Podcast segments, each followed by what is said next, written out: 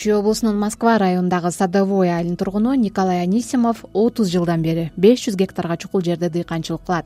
Ал орусия өзбекстан жана казакстан менен өзү байланыш куруп өндүргөн товарын экспорттоонун жолун өз алдынча тапкан буудай арпа таруу сыяктуу дан эгиндеринен тышкары анисимов асыл тукум малдын санын көбөйтүү менен алек. Анткени менен эки миң жыйырма биринчи жылдын кышы катаал болуп жаз кечиккендиктен быйылкы айдап себүү иштери үзгүлтүккө учурап отурат. Почти пятьдесят лет в сельском хозяйстве. Мен негизи элүү жылдан бери айыл чарба тармагында иштеп келе жатам. Дыйканчылыкта баары климатка табиятка гана көз каранды биздин өлкө жер иштетүү үчүн опурталдуу аймак эмеспи. Кургакчылык үшүк нөшөр мөндүр сыяктуу жаратылыш кубулуштардын айынан түшүмдү жоготуп алган учурларыбыз көп эле болду. Климатыбыз өтө тез өзгөрүп турат. Кээде май айында деле кар жаап салат. Аба ырайынан баарын күтсө болот акыркы жылдары мунун кесепетин жон терибиз менен сезип жатабыз. Быйыл айрыкча кыш өтө узакка созулду. Жаз кечикти жамгыр кар аралаш тынбай жаады талаада эле жашап калдык. Канчалык аракет кылып айдап себүү иштерин тездетели деген менен баары бир кечигип жатабыз. Климаттык шарттар биздин ишке тоскоол болууда.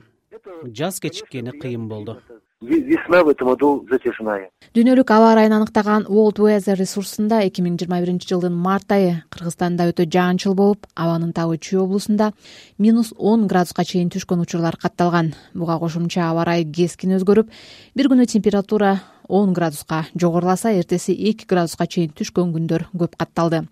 Климатологдор температуранын мындай кескин өзгөрүүсүн дүйнөлүк климаттык коркунучтун бирден бир белгиси экенин эскертишет.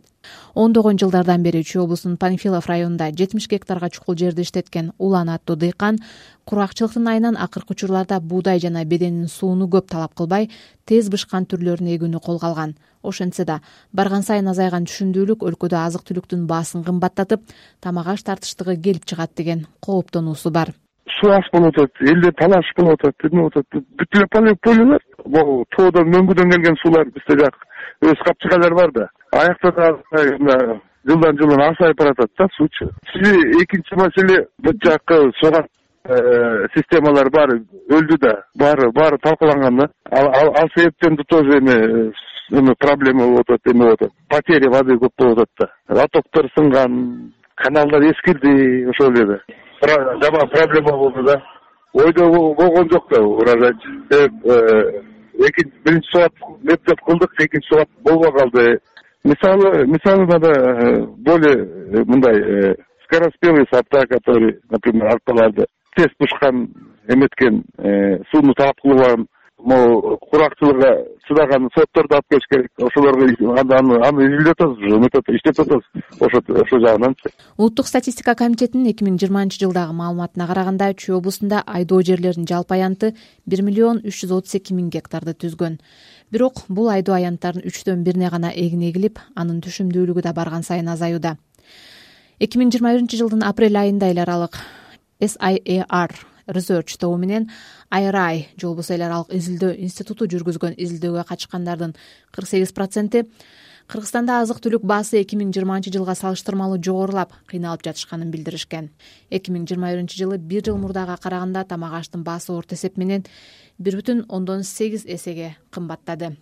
Укмуштуулар климаттык кооптуу абалдын айыл чарбага тийгизген таасири баалардын өсүүсүндөгү негизги себептердин бири экенин белгилеп жатышат кыргыз орус славян университетинин окумуштуусу метеорология экология жана айлана чөйрө кафедрасынын жетекчиси андрей подрезов мындан ары абал улам курчуй берерин эскертет кыргызстан э, себя примерно только на сорок процентов своего населения кыргызстан өзүндө чыккан азык түлүк айыл чарба азыктары менен өз калкын болгону кырк пайызга чейин гана камсыз алат буга дыйканчылыктын майдаланып кетиши асыл тукум мал чарбачылыгынын жоктугу дыйкан фермерлердин чогулуп алып биримдикте иш алып барбаганы себеп болууда. Чүй облусу өлкөнүн айыл чарба бешиги болгону менен акыркы жылдары жерди туура эмес пайдалануудан улам кыртышы бузулду айдоо талааларынын түшүмдүүлүгү азайып баратат.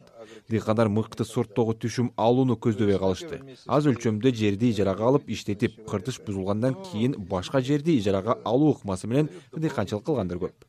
Анан калса акыркы мезгилдеги аба ырайынын туруксуздугу жана климаттык өзгөрүүлөр кургакчылык же тескерисинче жаздын кечигиши да айыл чарбанын солгундоосу менен тамак аштын кымбаттоосуна алып барууда. Или э, его отдельных областей станет очень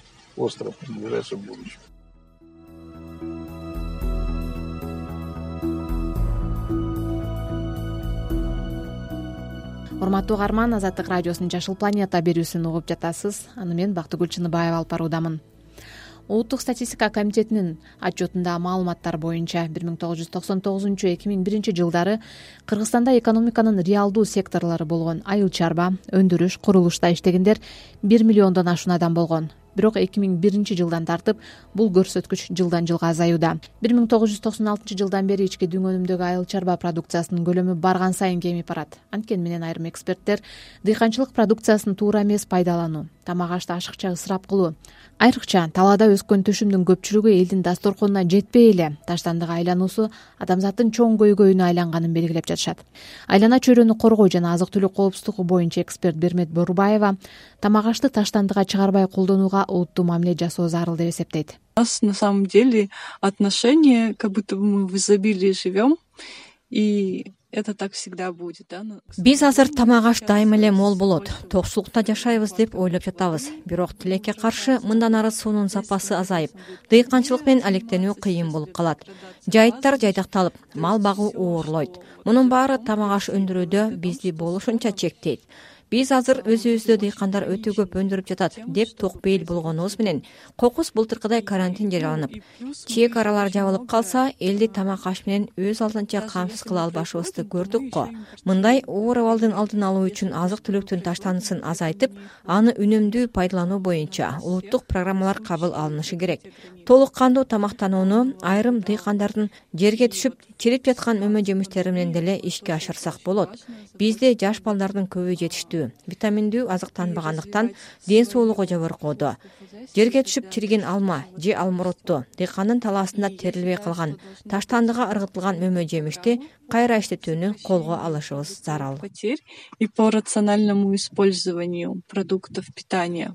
Дүйнөлүк саламаттык сактоо уюму эки миң элүүнчү жылга чейин дүйнөдө жыйырма беш миллион бала жетиштүү тамактана албай ден соолугунан жабыр тартат деп божомолдоп жатат айыл чарбасындагы көйгөйлөр адамзаттын саламаттыгына түздөн түз таасир этип аз кандуулук жугуштуу оорулар химиялык заттарга ууланулардын саны артаары айтылууда буга кыртыштын бузулуусу мөңгүлөрдүн эрүүсүнөн улам сугат суунун жоктугу кошулуп дыйканчылык кылуу бир топ кыйынчылыкты жаратат.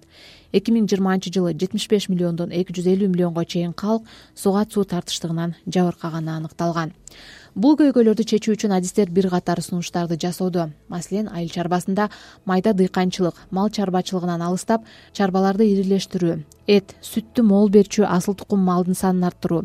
Жер семирткичтерди азайтып жердин кыртышын оңдоого ыңгайлуу дан жана башка эгиндерди эгүү менен эгин талааларын арыктаткан продукциянын ордуна абага пайдалуу жана адамдын күнүмдүк тамак ашына керектүү азыктарды эгүүнү сунуштап келишет.